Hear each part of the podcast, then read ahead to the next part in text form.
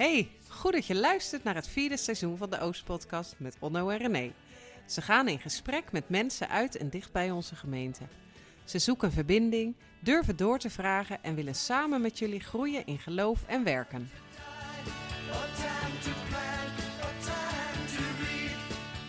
Welkom bij de Oost Podcast, de vierde aflevering in seizoen 4. We gaan in gesprek met Jolanda Winkelman. Ze is getrouwd met Mark en elf jaar geleden is haar dochter Julia overleden. Ze leefde één week. Ze is gemeentelid bij ons en vrijwilliger bij Stichting Rouwkost met OU. Een stichting die zich inzet voor emotionele en praktische steun na het overlijden van een kind. En waar gaan we het nog meer over hebben? Lastig praatonderwerp. Dansen in de regen. Mannen rouwen anders. A wave of light. Protocol bij rouw en verlies. En luisteren, luisteren en sowieso luisteren. Kortom, Genoeg reden om te gaan zitten, of in je auto te stappen, je benen omhoog de volumeknop op 10. en te luisteren naar deze podcast. Veel luisterplezier. Jolanda, welkom. Fijn dat je bij ons bent aangeschoven. Ehm, op de website van de Stichting Rauwkost, waarin jij jezelf eh, introduceert, en dan vertel je ook iets over je hobby's. Eh, en er staat taarten bakken, zeilen, schilderen. Wat kan je nog meer over jezelf vertellen? Nou ja, ik eh, ben inderdaad Jolanda Winkelman. Ik ben getrouwd met Mark. We hebben twee kinderen, Eva en Julia. En voor Eva mogen we hier zorgen.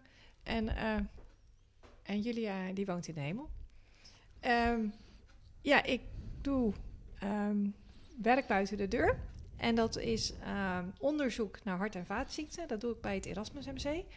En ehm, ja, dat doe ik al eigenlijk bijna 25 jaar. En dat is ook eigenlijk wel heel apart, want dat is ook eigenlijk wel naar de hart- en vaatziekte, waar dus eigenlijk eh, mijn dochter aan overleden is. Ja, Dus dat eh, kan ik daar ook nog wel iets meer over vertellen. Maar- ja want, want kun je iets vertellen over eh, je, je zwangerschap van Julia? Want we, we gaan het, daar gaan we het vooral over hebben. Hoe dat gegaan is. Wat dat, wat dat daarna voor je heeft betekend. Hoe je bij de Stichting Rauwkost bent eh, terechtgekomen.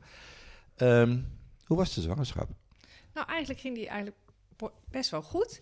Ehm, ja, het was, het, was gewoon een zwangerschap zoals ook eh, de eerste, zoals bij Eva. Ja, ik, ik was gewoon misselijk zoals, eh, zoals een zwangere vrouw, vrouw is. Ja. En dat is alleen maar fijn, want dan gaat het goed. En ehm, nou, ik zou eigenlijk eh, de 20 weken echo laten maken. En ik ging op reis de week daarvoor en ik dacht nog van, als dit maar niet de laatste onbezorgde reis is. En ik moest op reis voor mijn werk en ik zat daar in Israël en ik zat daar aan die Dode Zee. En toch kreeg ik die gedachte. En dat is heel raar, want het ging allemaal heel goed. En ik dacht echt bij mezelf, waarom, waarom denk ik dit? Nou goed, ik kwam terug. Ik ging die 20 weken echo laten maken. En het was eh, een plekje helemaal op het einde van de dag. En toen was het niet goed.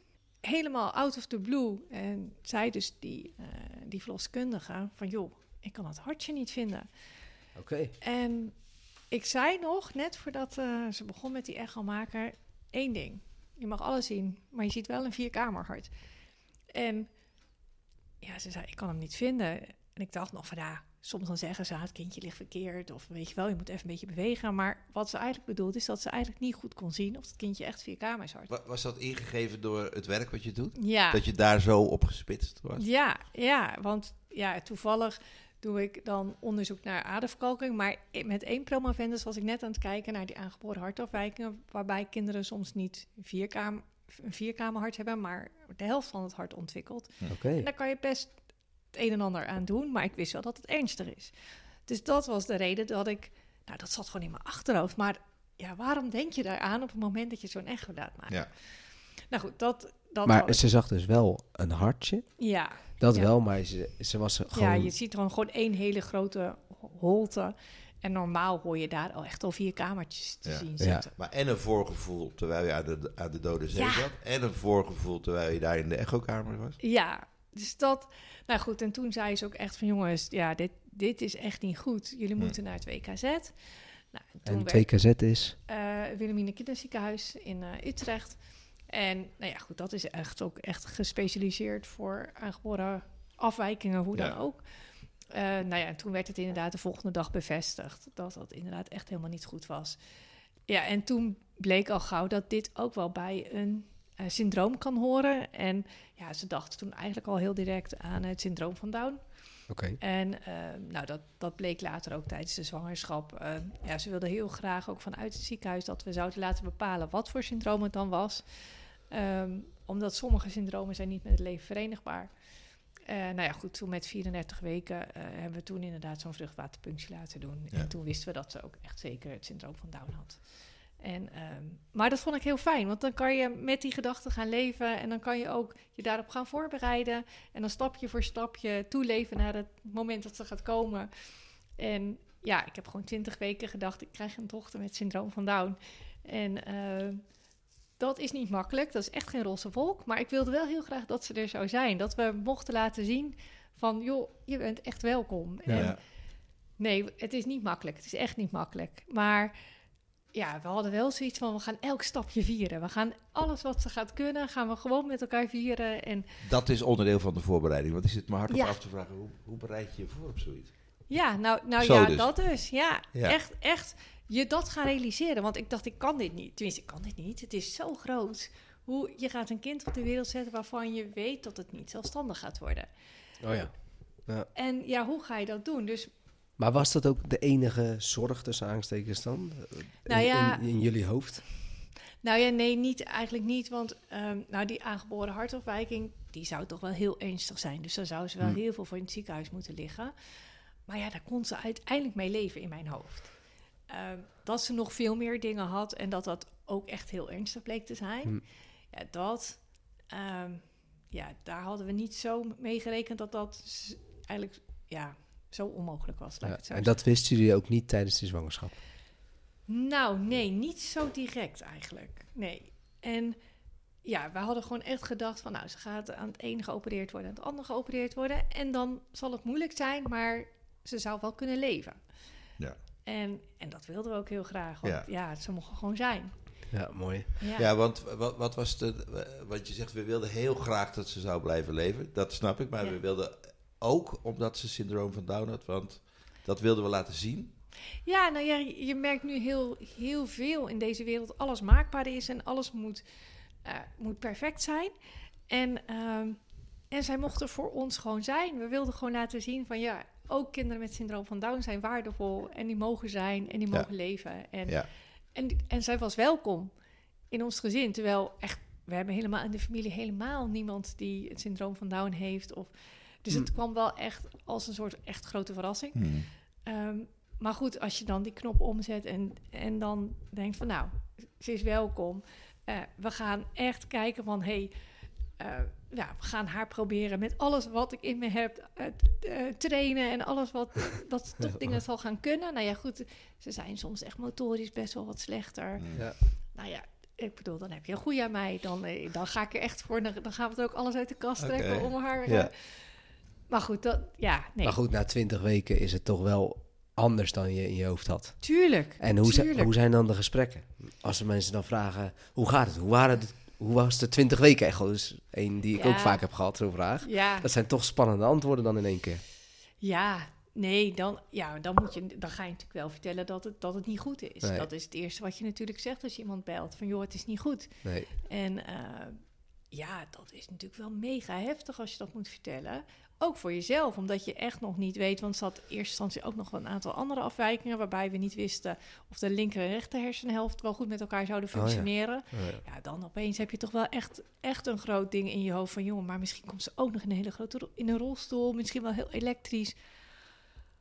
Ja, Ja. nou, dat, dat, dat was echt wel een heel groot ding. Echt complexe Ja, problematiek. ja. En toch vond ik het mooie dat je op een gegeven moment wel... Ja, nou, ja, de rust krijgt, denk ik... om alles stapje voor stapje te- dan maar te gaan beleven... en dan Hm. kijken hoe het komt, letterlijk. Ja. Ja, en, en anders dan dat kan het ook niet. Want anders kan je het ook eigenlijk bijna niet aan. Maar ja, ja daardoor was het wel te doen. En dan, dan ja, wordt Julia geboren. Ja.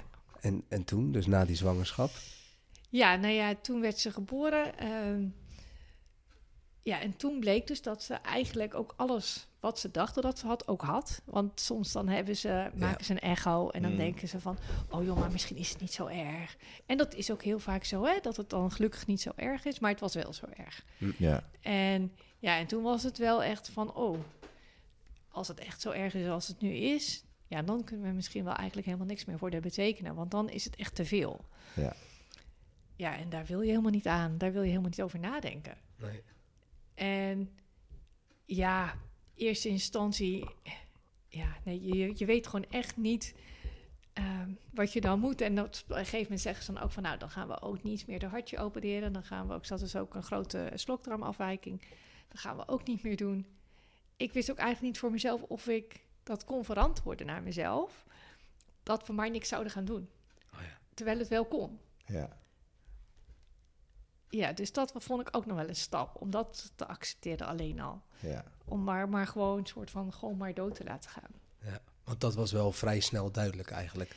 Je wist dat als ze niet behandeld gaat worden, als ze een keuze maken om het een niet te doen, dan Ja. heeft dat tot gevolg dat ze overlijdt. Ja, ja, dat was wel heel duidelijk, omdat ze natuurlijk echt maar een half hart had. Ja. Ja, en dan, eh, ja, dan, wordt, dan heeft ze geen zuurstofrijk bloed wat goed rondgepompt wordt. Ja, dat is natuurlijk niet te doen. Dat is niet te doen. Maar was dat na één dag duidelijk voor jullie? Of is dat iets wat eh, gaandeweg toen duidelijk werd? Nou, eigenlijk op de eerste dag zeggen ze al gelijk van... oeh, dit is wel echt heel pittig en echt heel veel. Maar dat zie je niet aan de buitenkant. Nee, dus dan maken ze een echo. Oké. Ja, dus Ja, met ja. echo's kunnen ze dan bevestigen... wat Ja. ze in eerste instantie natuurlijk al in je Precies, in je buik- buik gezien, en, maar vooral Julia gaat gelijk in een soort medische molen. Ja, ja, ja. Dus, nou ja, goed, ze wordt geboren en dan nemen ze er direct mee. En dan gaan ze dus inderdaad er gelijk, eh, nou, checken. Uh, maar ze had dus ook geen slokdarm. Dus ze kreeg gelijk een slangetje in de neus om uitgezogen te worden. Want ja, alles wat zij doorslikt komt nergens. Nee. Dus dat moet dan uitgezogen worden, anders zou ze daar ook weer een soort van in stikken. Ehm, dus ja, dan krijgt ze gelijk een slangetje. Dus dat soort dingen, dan is het wel heel snel heel erg duidelijk. Ja. Ehm, ja, en toen op een gegeven moment hebben ze ook dus inderdaad nog in haar maagje nog wel zo'n zo'n pechzonde geplaatst. Dus wa- waardoor ze dus wel voedsel kunnen inspuiten. Dus ik, ik wilde heel graag borstvoeding geven. Ik dacht, nou, Nou, pechzonde, dat, dan kan je van buitenaf voedsel eh, de, eh, in, ja, maagje. in je maagjes Ja. ja. stoppen. Nou bleek ze uiteindelijk dus ook echt nauwelijks een maagje te hebben. Dus dat ballonnetje wilde ook niet eens blijven zitten. Maar ik dacht, ja, als ik nou maar die borstvoeding geef... dan heeft ze in ieder geval wat weerstand voor die operatie. Jij had wel vechtlust. Ja. Ja, dat had ik wel, ja. Ja. Ja, ja, ja dat klopt, ja. En konden de artsen ook vechten dan voor je? Of? Nou ja, dat is dan dus het lastige als je merkt dat zij op een gegeven moment zeggen van... joh, we, we gaan het niet meer doen, we kunnen dit niet doen. Ja.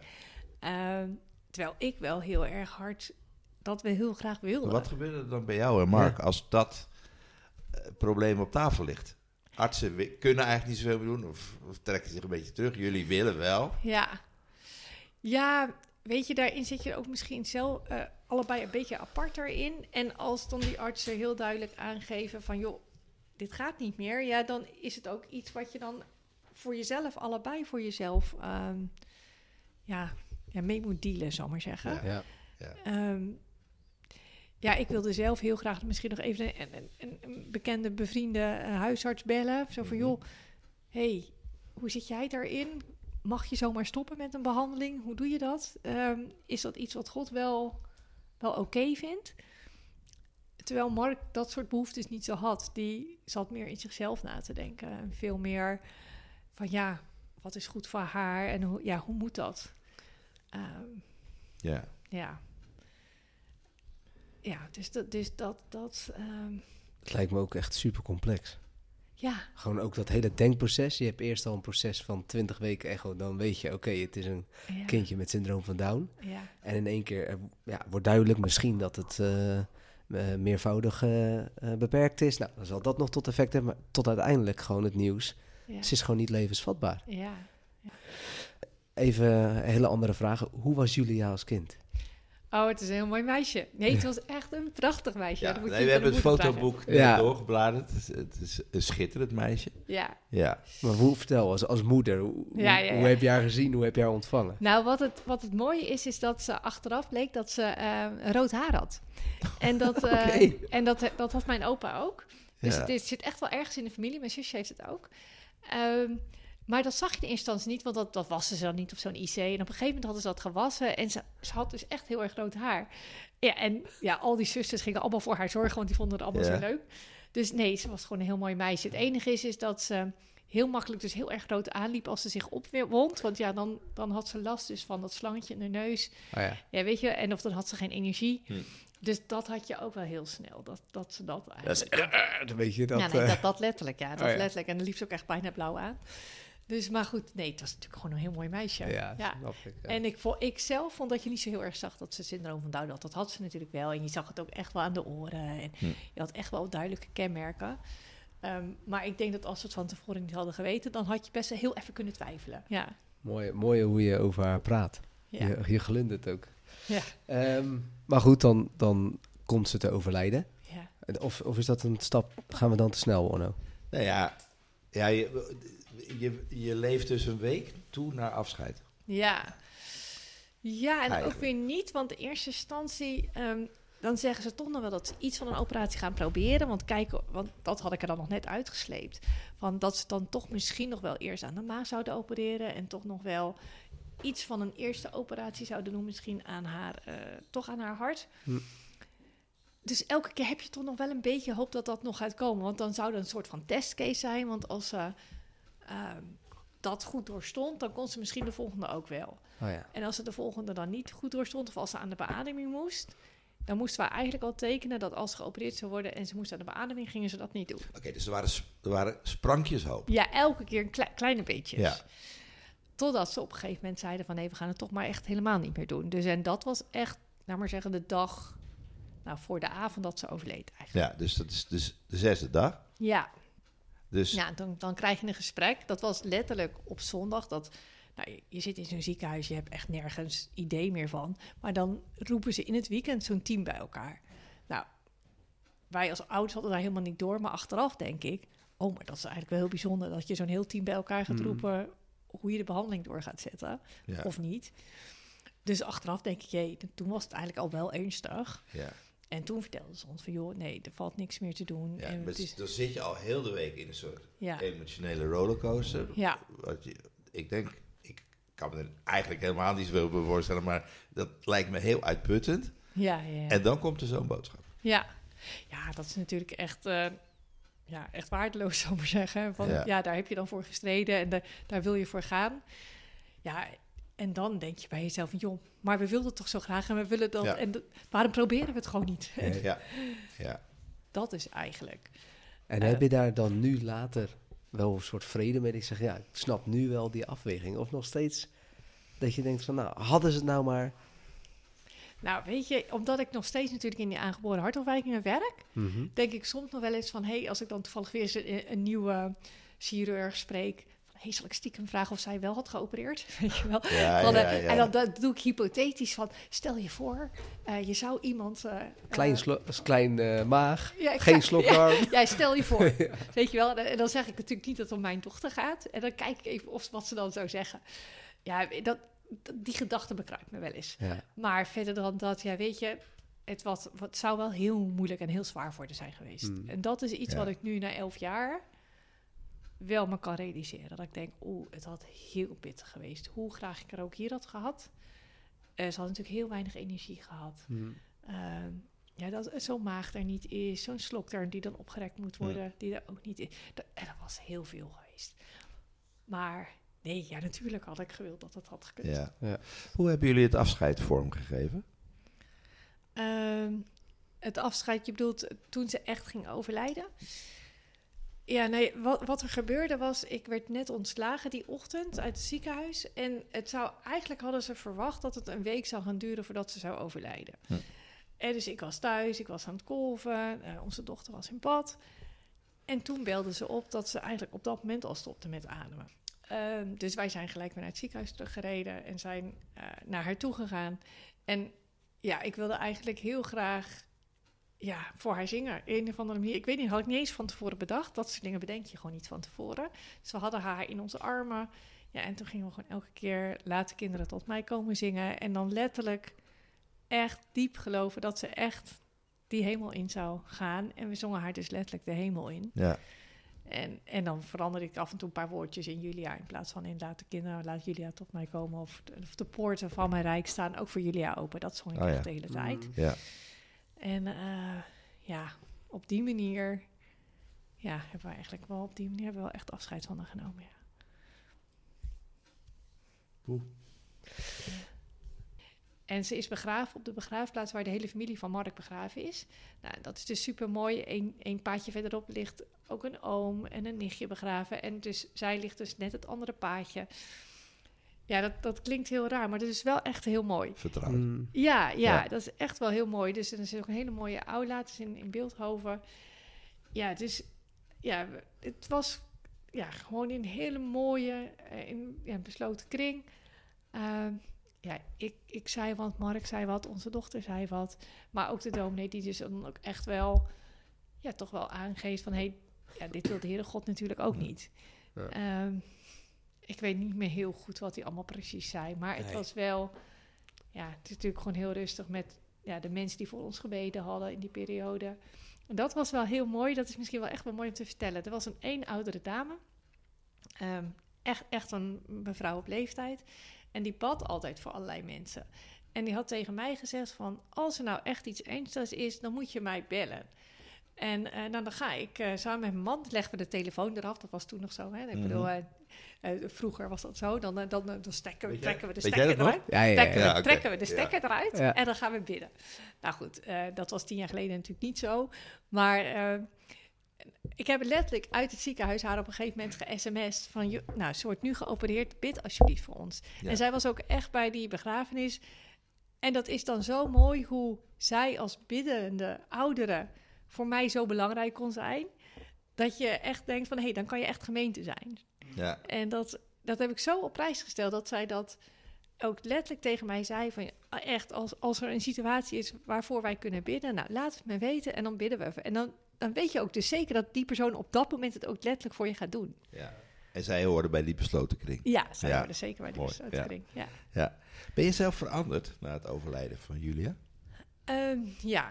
Ja, dat kan niet anders. Dat kan echt niet anders. Ehm, ik denk dat ik veel meer met mensen kan meevoelen die iets ernstigs meemaken. En in welke zin dan ook. Hm. Ehm, als mensen ziek zijn of als mensen ook een, een overlijden dan, of van een volwassen persoon meemaken. Ik denk dat ik veel meer kan meevoelen dat, dat mensen echt verdriet kunnen hebben, maar ook echt ehm, moeite kunnen hebben met dingen waar je in eerste instantie helemaal niet bij stilstaat. Dus Hm. dat ik echt op een gegeven moment echt, echt moeite had, bijvoorbeeld met Pasen, want dan gaat het de hele tijd over de hemel. Ja, nou, daar was onze dochter. Ja. Of met kerst, dan Ja. ging het over een babytje. Ja. En dat zijn dingen dat je denkt, huh, dat is zo raar, dat gaat toch altijd in de kerk over? Ja, maar op dat moment had ik wel veel meer die associatie van, hey, het gaat over een babytje, het gaat over de hemel. Ja. Wij hebben in de voorbereiding naar eh, het televisieprogramma Ik Mis Je gekeken van de EO. Daar ben je samen met Mark in geweest. Ja, En daar zeiden jullie, we, we zijn niet boos geweest. Maar je zei wel, eh, de vraag waarom, waarom laat God dit toe? Waarom Ja. is het op deze manier gebeurd? Die was blijven hangen. ja, We zijn nu weer een paar jaar verder sinds Ja. die eh, uitzending op televisie is geweest. Hoe, hoe, hoe leeft die vraag nog bij je? Ja, nou, het is denk ik meer die waarom-vraag van... hey, ze was bij ons welkom geweest. Kijk, het syndroom van Down is echt niet iets waar je, waar je op hoopt. Maar tegelijkertijd hadden wij heel sterk van... nou, ze, ze mag bij ons zijn en, Ja. en, en ze mag welkom zijn. Ze mag zich welkom voelen. En juist zij heeft zo'n zware, en grote afwijking... waarmee ze niet kan leven. Terwijl er voldoende kinderen zijn die met syndroom van Down... eigenlijk er niet mogen zijn. Hm. Dat was die waarom-vraag Ja, meer. Van waarom, waarom laat u Ja. Dat dan gebeuren. En niet zozeer dat ze overlijdt of dat, dat ze het syndroom van Down had, maar wel van, hé, hey, dat was nou net een beetje een fou- foute combi. Bij ons had ze nou net wel welkom ge- eh, Ja. geweest. Ja. Ja. Ehm, nou, je zei net al, we hebben Julia letterlijk de hemel ingezongen. Ja. Dat heb je gedaan met eh, Laat de kinderen tot me komen. We gaan een stukje luisteren en dan gaan we door naar eh, het werk waar je ook hard voor maakt, de Stichting Rookost. Kinderen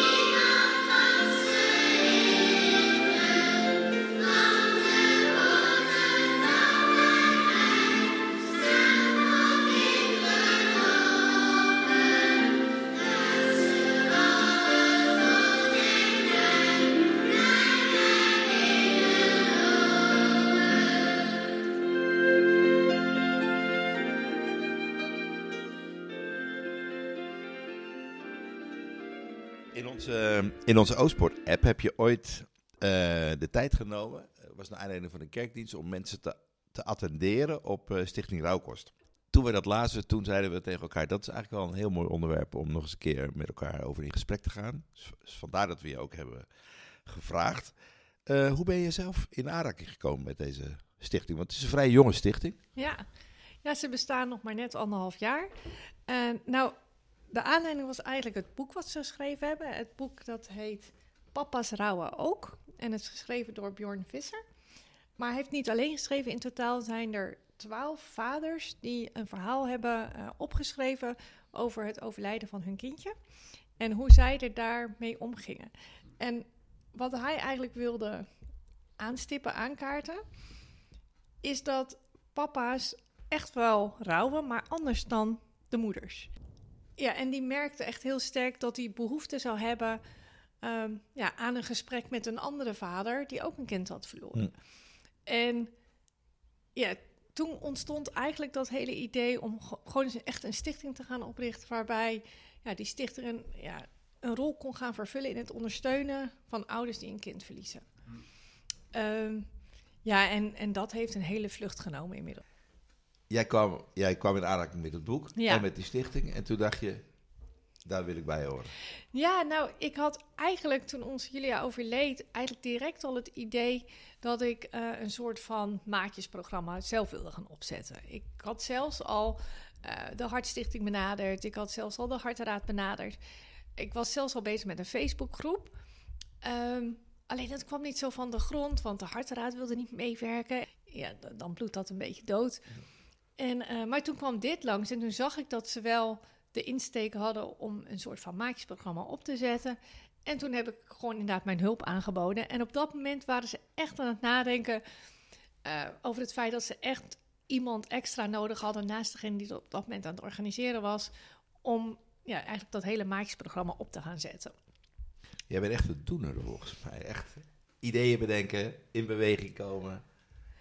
Was ja, nou, nou ja, wat het is, is ik, ik had dit idee dus eigenlijk al heel lang. Ik had het echt al tien jaar. En het, dat was echt nog zo'n zo'n ding op mijn lijstje van... hey, dat zou ik nou wel echt heel graag gedaan hebben in mijn leven. En dat klinkt heel raar, ik ben nog maar net 50, maar toch was dat wel iets van: hé, hey, als ik daarin iets zou kunnen betekenen voor andere ouders, eigenlijk hetgene wat ik zelf heel erg sterk heb gemist.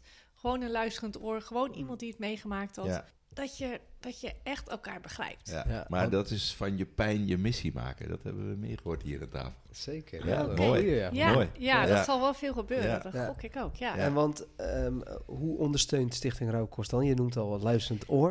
Um, we hebben eigenlijk als stichting drie pijlers, zo zou je het kunnen noemen. Uh, we willen emotionele ondersteuning bieden. We willen praktische ondersteuning bieden en ondersteuning van professionals. En dan die emotionele ondersteuning gaat dan meer in de richting dan van inderdaad van een maatjesprogramma. Het zijn soort buddies. Het is net hoe je het noemen wil, maar iemand die hetzelfde heeft meegemaakt, koppelen aan iemand die op dat moment echt dat, dat verlies net meemaakt, zodat die elkaar kunnen ondersteunen. Ja.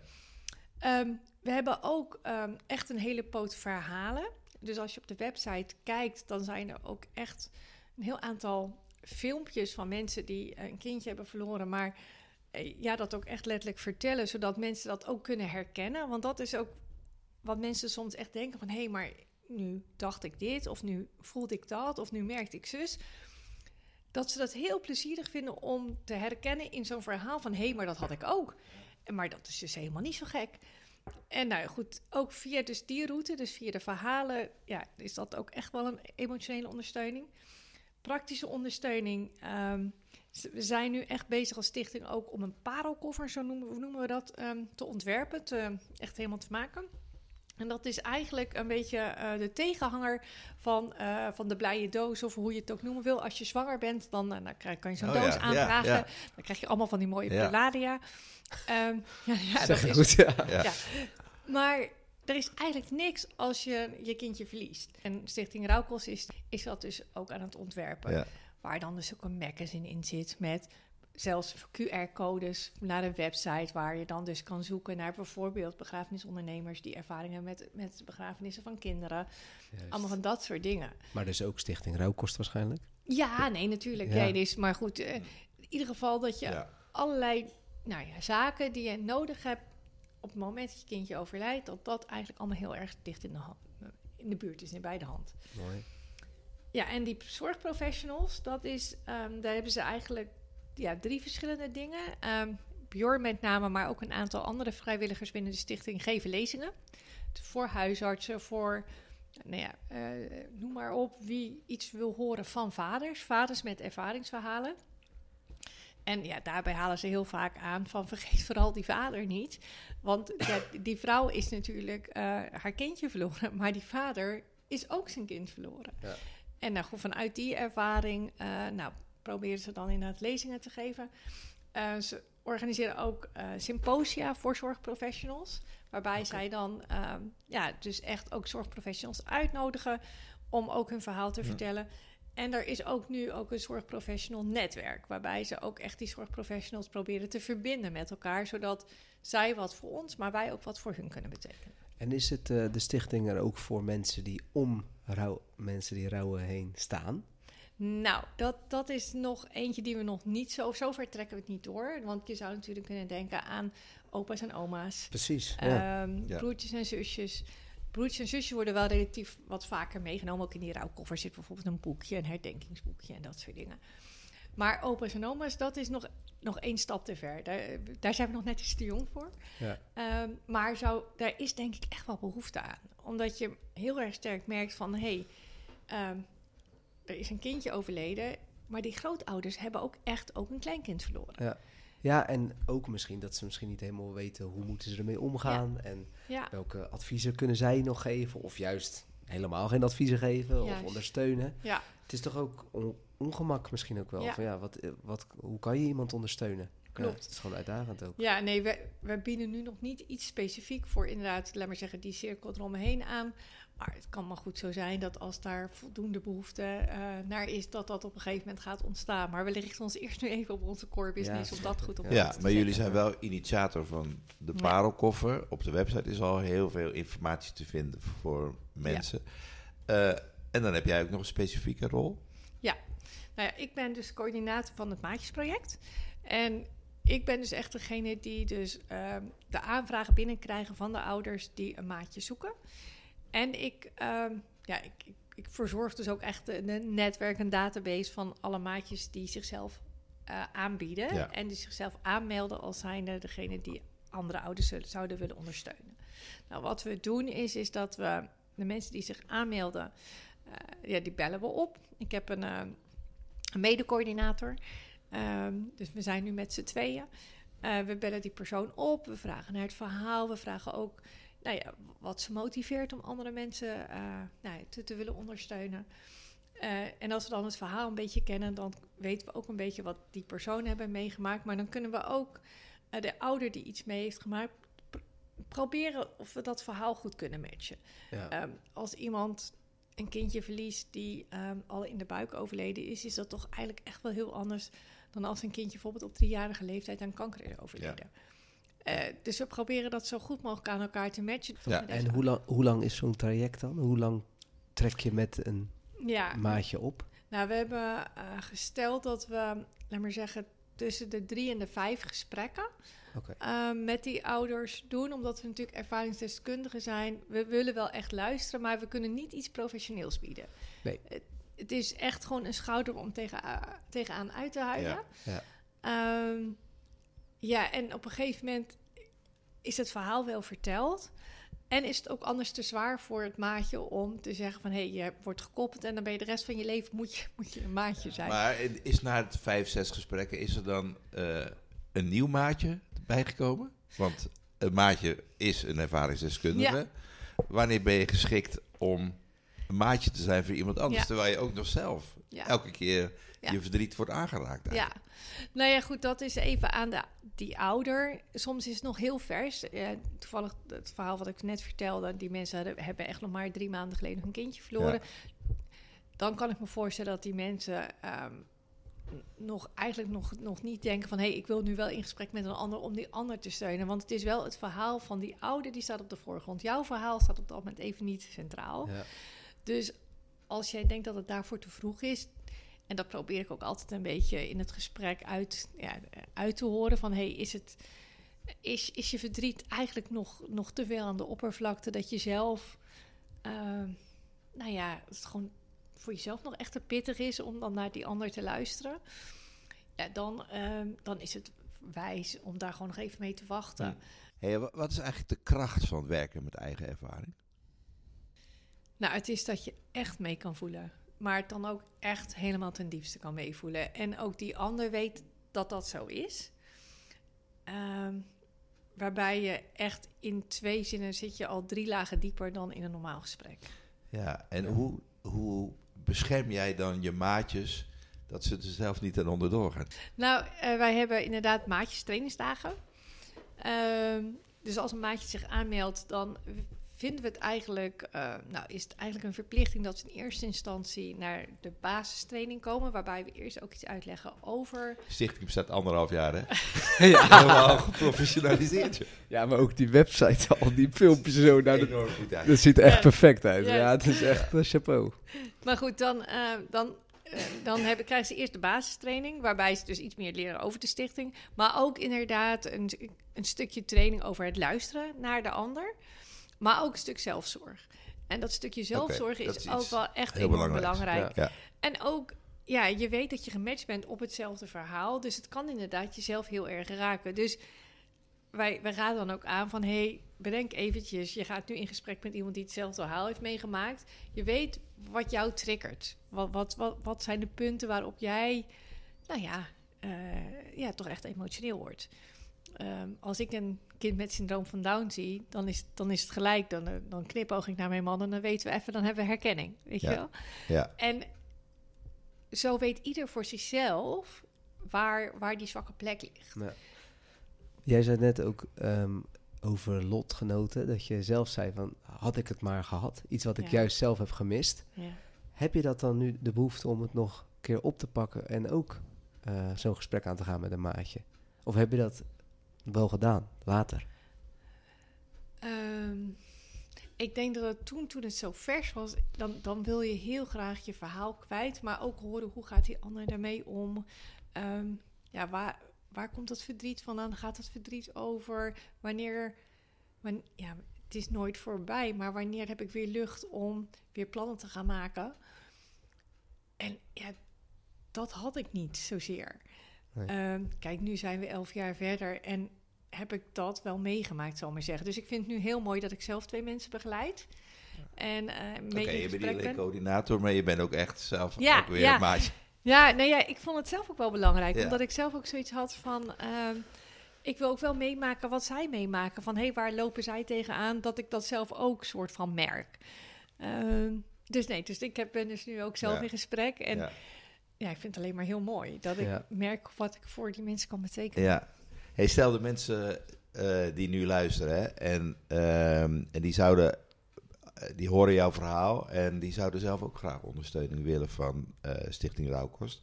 Op welke manier zou jij hun adviseren om contact te leggen met de stichting? Moeten ze bellen, een formuliertje invullen, een appje sturen? Nou, het is echt heel simpel. Je gaat naar de website en dan ga je naar het tapje maatjes. En dan eh, kan je onderaan eh, de website of onderaan die pagina staat een knopje, eh, nou ja, contact, een maatje. En dan vul je die, dat formuliertje in. En dan, en dan komt dat formuliertje bij mij terecht. Ja. En, dan, en dan gaat het vanzelf rollen. En Ja. Dan ga jij matchen. Dan Ja. ga ik matchen. Heel goed. Dat komt helemaal goed. Ehm, we gaan dansen in de regen. Ja, En Ja. dat is een lied geschreven door Lef. Ja. Ehm, ook naar aanleiding van het overlijden van King Haban. ja. Ehm, jij wilde dit eh, graag eh, ook laten horen. Ja. Kort waarom? Nou ja, ik vind het heel mooi. De, de tekst raakte me echt enorm. Ehm, ja, wij zeggen thuis altijd van ehm, als je hart huilt, dan, dan ga je huilen, want dan komen de tranen eigenlijk uit je ogen. Dus dan, eh, ja, dan is dat eigenlijk dat verdriet van je hart. En dat proef ik heel sterk in dat lied. Van hé, hey, dat verdriet is er, mag er zijn. Maar tegelijkertijd mag je ook weten dat je met dat verdriet toch ook weer je leven mag oppakken. Dat vond ik heel mooi. Zoek je geluk maar bij de levende. Als de wolken huilen, hoef je niet te schuilen. Maar mag je leren dansen in de regen. te schuilen voor het leven.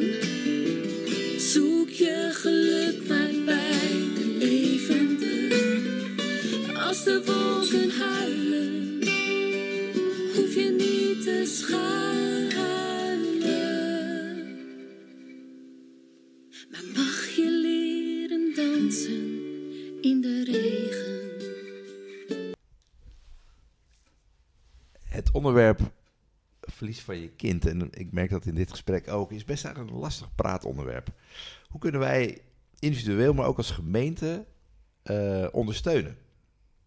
Mensen ondersteunen die door zo'n rouwperiode Ja. heen gaan. Daar willen we het eigenlijk nu wel even over hebben, René. Ja, Ja. zeker. Nou, nog, nog even aanhakend op iets wat je eerder aangaf, eh, Jolanda. Je had het over, ja, ik ben wel echt veranderd. Ik ben zelf ook veranderd door deze periode. En dat is eigenlijk onvermijdelijk, wat je ook aangaf. Maar is je geloof ook veranderd? Ja, ik denk, denk het wel. Ik denk, ehm, als ik nu echt erover nadenk, voor ons is de hemel ook veel reëler geworden, ook omdat Hm. Julia daar is. En Oh ja, wat bijzonder, ja. ja, Ja, nou ja, een of andere manier ook naar Eva toe. ehm, nou ja, Julia is in de hemel, eh, zij is hier. Ehm, ja, en op die manier ehm, beleven we dus ook daadwerkelijk het geloof. Julia die ging ook echt naar de hemel toe. Ehm, dus we, we hebben ook nooit bijvoorbeeld van Sinterklaas echt een ding gemaakt. Want ik heb zoiets van, ehm, de Heere God is echt, de hemel is echt. Dus Sinterklaas is niet echt en dat zeggen we dan ook. oké. we gaan niet, we gaan geen sprookjes eh, erbij nee, halen. Nee, Nee. De, de hemel is echt en dat, dat vertellen. Dus het is gewoon zo realiteit Ja. voor ons. En dat is daarmee wel meer geworden. Ja. Natuurlijk was het geloof altijd al echt. En natuurlijk, ja, geloof je. Maar ehm, ja, het, een of andere manier... tenminste, dat zei Kinga ook altijd. Ik, ik kende haar ook wel ehm, in Houten nog... eh, nou ja, daar woonden wij ook Ja, zij zei ook heel vaak van... hé, hey, die hemel is eigenlijk gewoon een ander stuk van ons leven. En ehm, ja, we zijn nu hier, maar we gaan daar gewoon verder. Ja. En ja, daar kon ik nooit zoveel mee, om heel eerlijk te zijn. Van nou ja, ehm, eh, we, daarna zijn we dan in de hemel en dat is dan... Nou, zo, zo leven Het voelde als een tweede hoofdstuk.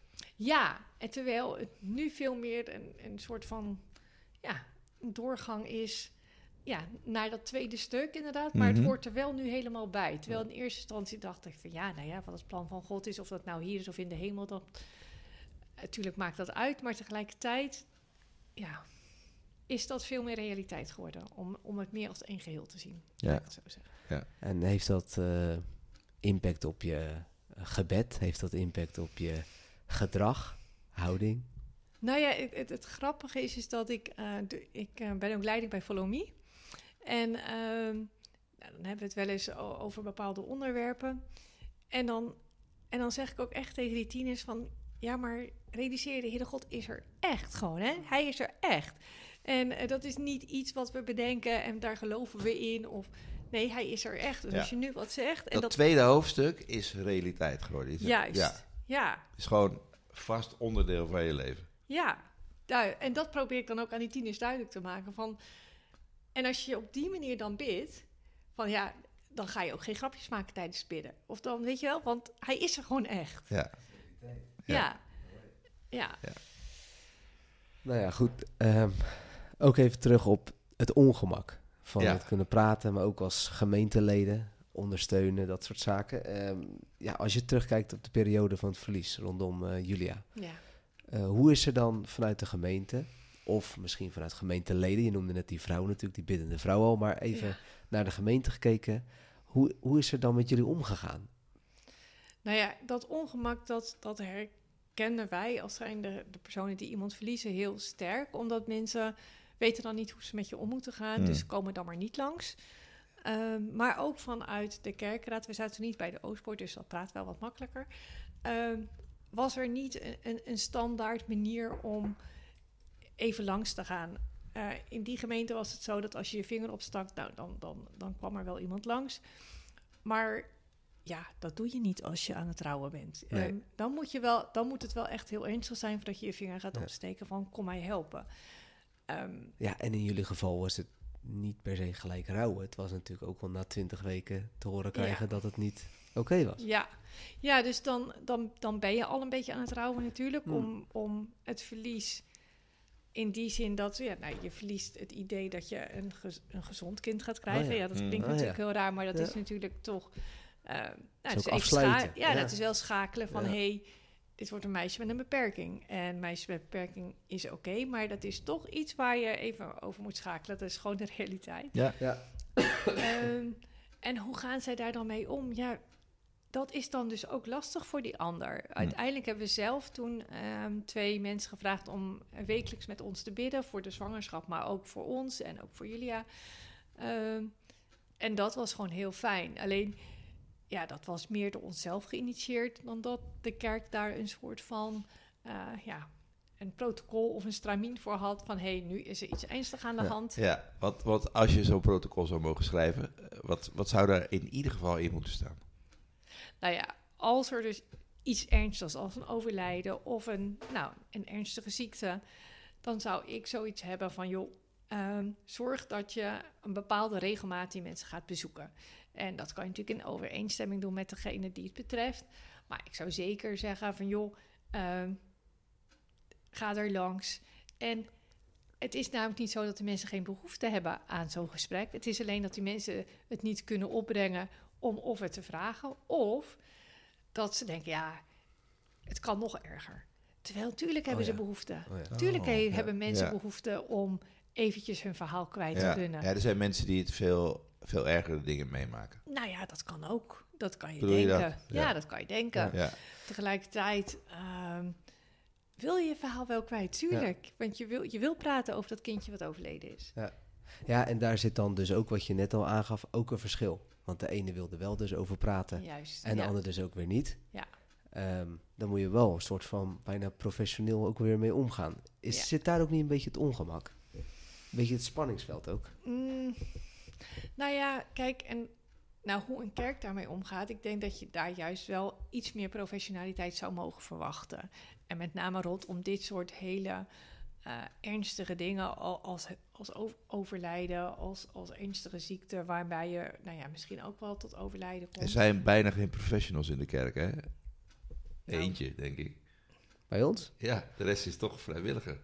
Dus die, die, moet, die Nee. moet dat wel opvangen op Ja. een of andere manier. En- Nee, maar goed, je zou natuurlijk wel kunnen, kunnen stellen van... hé, hey, luister, eh, er is dit nu aan de hand.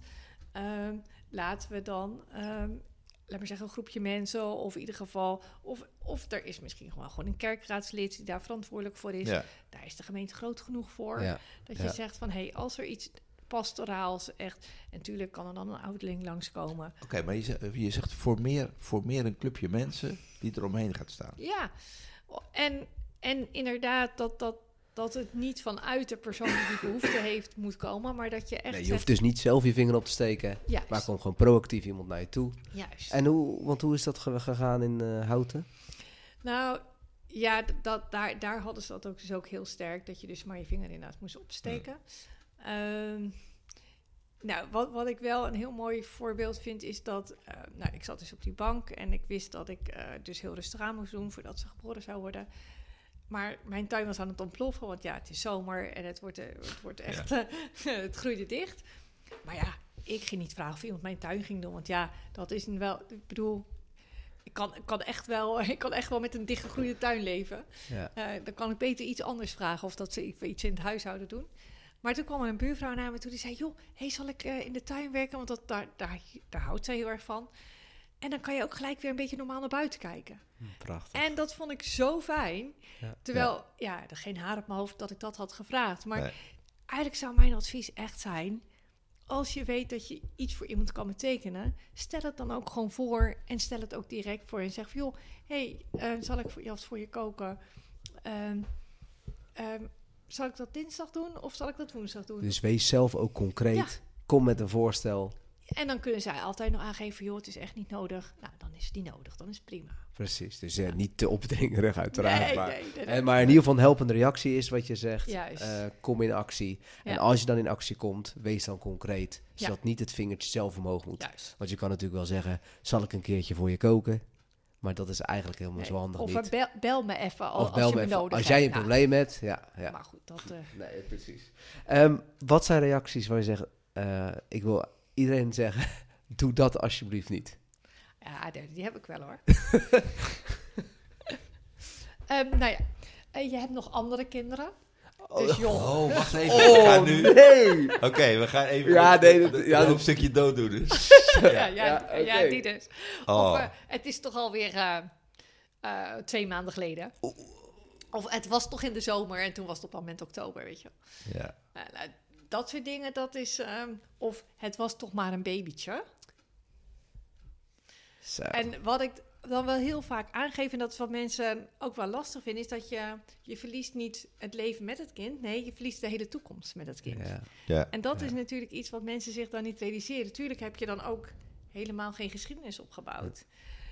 En dat is dan, hè, dan mensen rouwen dan om de geschiedenis, maar ook om de verloren toekomst. Maar wij verliezen de volledige toekomst. Ja. Ja. Maar wat moeten mensen dan wel zeggen? Of, ze, of moeten mensen vooral luisteren naar je verhaal? Vooral luisteren, dat zeker. Maar je kan natuurlijk ook een wat algemene stellen. Vind je het lastig eh, dat hier zoveel kinderen zijn? Ehm nou ja, dit- zo, zo, zo heb je er natuurlijk een heel aantal die je wat makkelijker of minder makkelijk kan Ja. vragen. Ja. Maar eigenlijk, als ik jou hoor, ook bij die eerste drie eh don'ts, zeg je eigenlijk, vul niet in. Ja, dat is En, heel erg. en Ja. ga ook niet jouw gevoel koppelen aan mijn gevoel. Nee, Nee, Nee. dus daar moet je gewoon ver van af blijven. Niet van, ja, ik snap het, dat soort zaken. ja. Je snapt het niet, Nee. eigenlijk. Nou en ja, het is aan nee. ons alleen om het te bevragen, eigenlijk. Ja. Ja. En luister gewoon. Mensen, je, je prikt in ze en het verhaal komt heus wel. Mm. En luister gewoon naar wat ze te zeggen hebben. En, en die pijn komt er dan vanzelf uit. Ja, en je zegt, wij hebben mensen om ons heen verzameld. Eh, een groepje die met ons ging bidden. Dat, dat is, na, is dat na het overlijden van Julia door? Nee, dat was... Oh, nou nee, eigenlijk heel kort maar. Nee. Want wat heeft jullie da- daarna nog geholpen? Ja, dan blijft het even heel lang stil. Nou, ik denk dat we het toch wel heel erg zelf hebben gedaan. In Ja. die zin, vooral heel veel met elkaar praten. Dus ik ben meer de prater. En Mark is meer de doener. Of de... En wij hadden wel het geluk dat ik er op een ander moment doorheen zat dan hem. Dus als hij er doorheen zat, dan zei hij... Hey, zullen we even gaan wandelen langs, eh, langs de rivier? En dan gingen we even naar de rivier en dan gingen we samen wandelen. En dan had ik weer op een ander moment wat. Dus Hm. dat geluk hadden wij samen wel. Ja, en wij zijn sowieso een, een stel van praten en luisteren. En wij hebben elkaar ook leren kennen, laat maar zeggen, op afstand. Dus hij zat in Duitsland, ik in Nederland. Dus ons eerste contact was alleen... We hebben elkaar leren kennen door briefjes schrijven, letterlijk.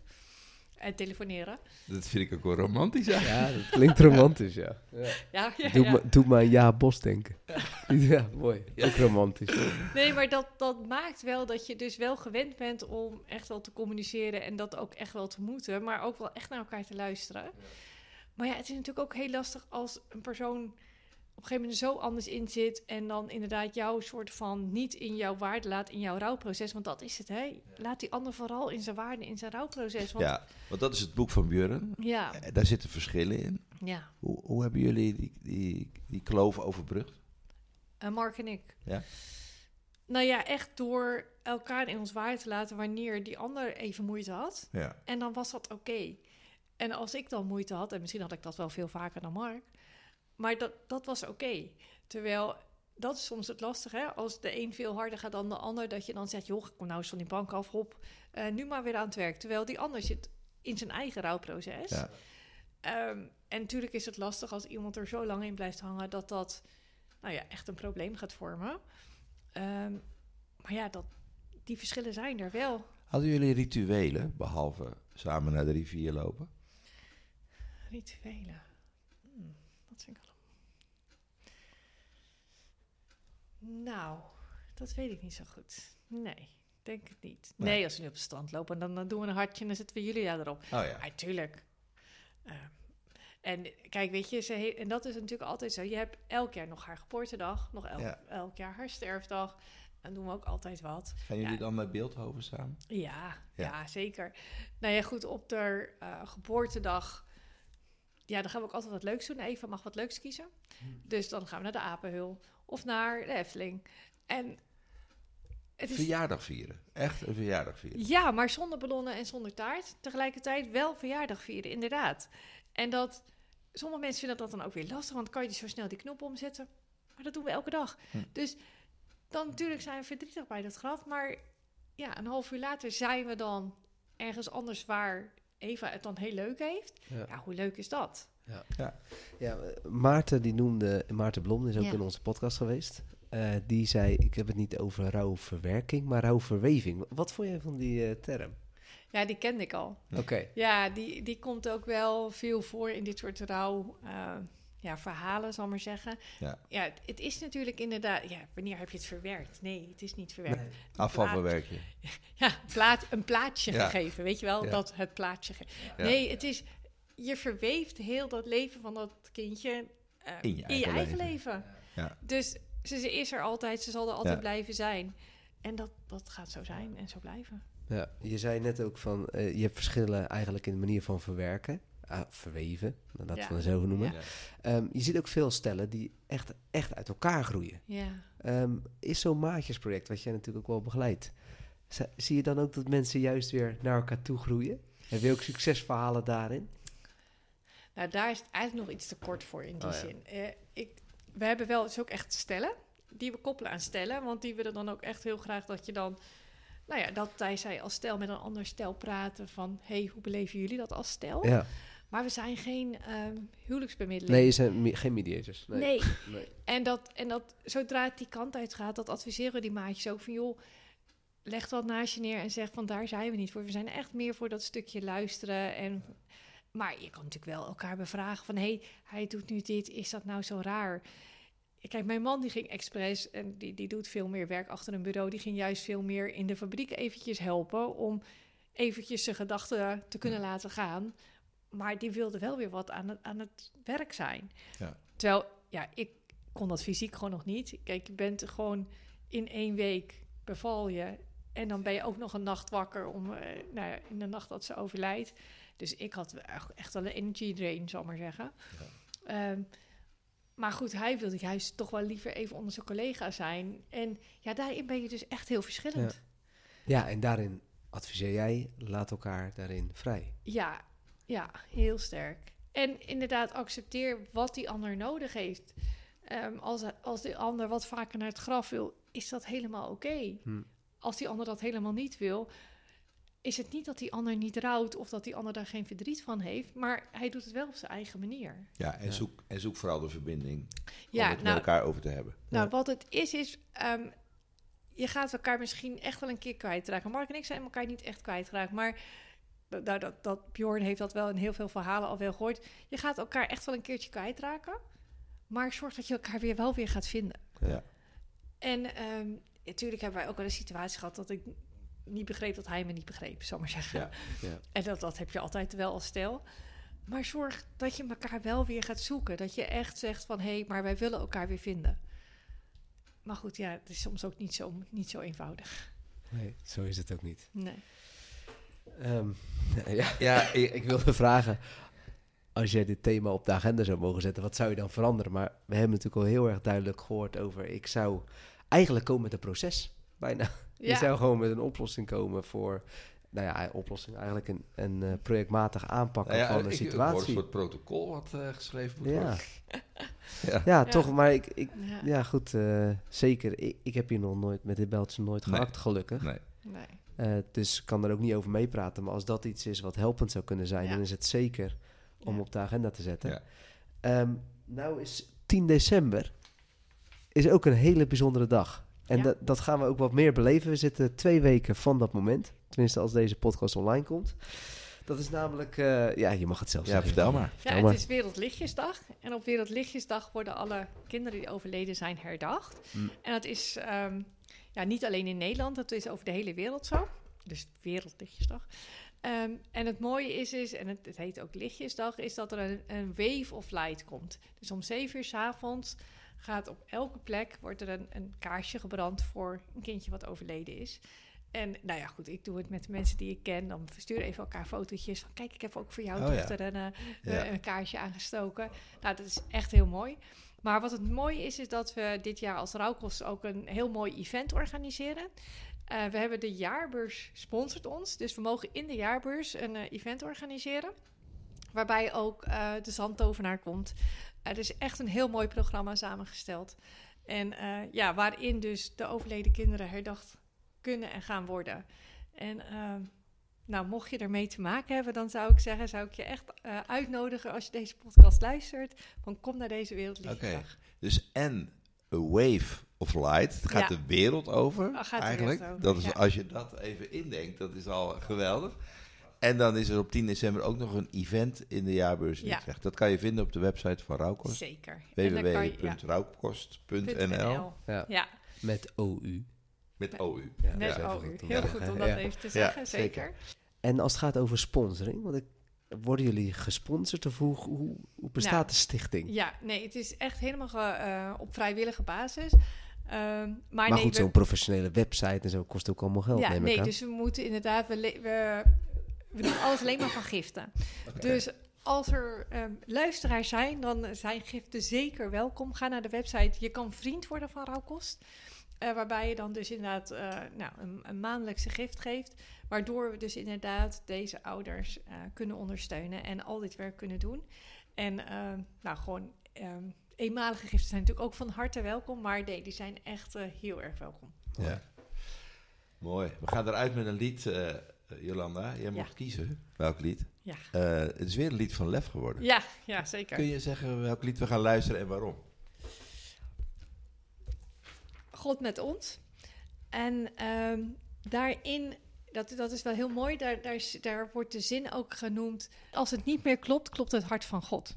Oh ja, mooi. En ehm, nou ja, daarin wordt ook echt wel heel mooi beschreven dat, dat dingen echt wel heel erg moeilijk kunnen zijn. Maar ja, God is erbij. Ook al ben je door zorgen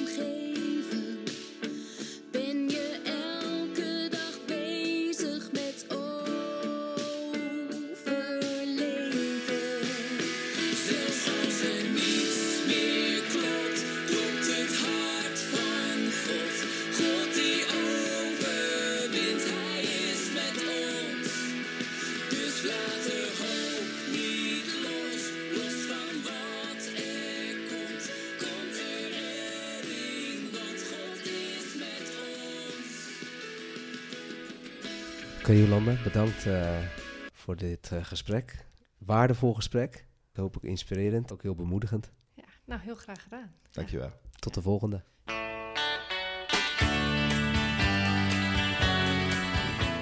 Bedankt voor het luisteren. Vergeet niet te liken, dan zijn we beter vindbaar. Voor achtergronden en beeldmateriaal abonneer je op ons Instagram kanaal, oost.podcast. Wil je reageren? Stuur een berichtje of spreek René en Onno aan. Vinden ze oprecht leuk. Deze podcast is mede mogelijk gemaakt door Bob Luursema, Dick Timmer en mijzelf, Marjolein Ouwerkerk. Tot de volgende. Doei!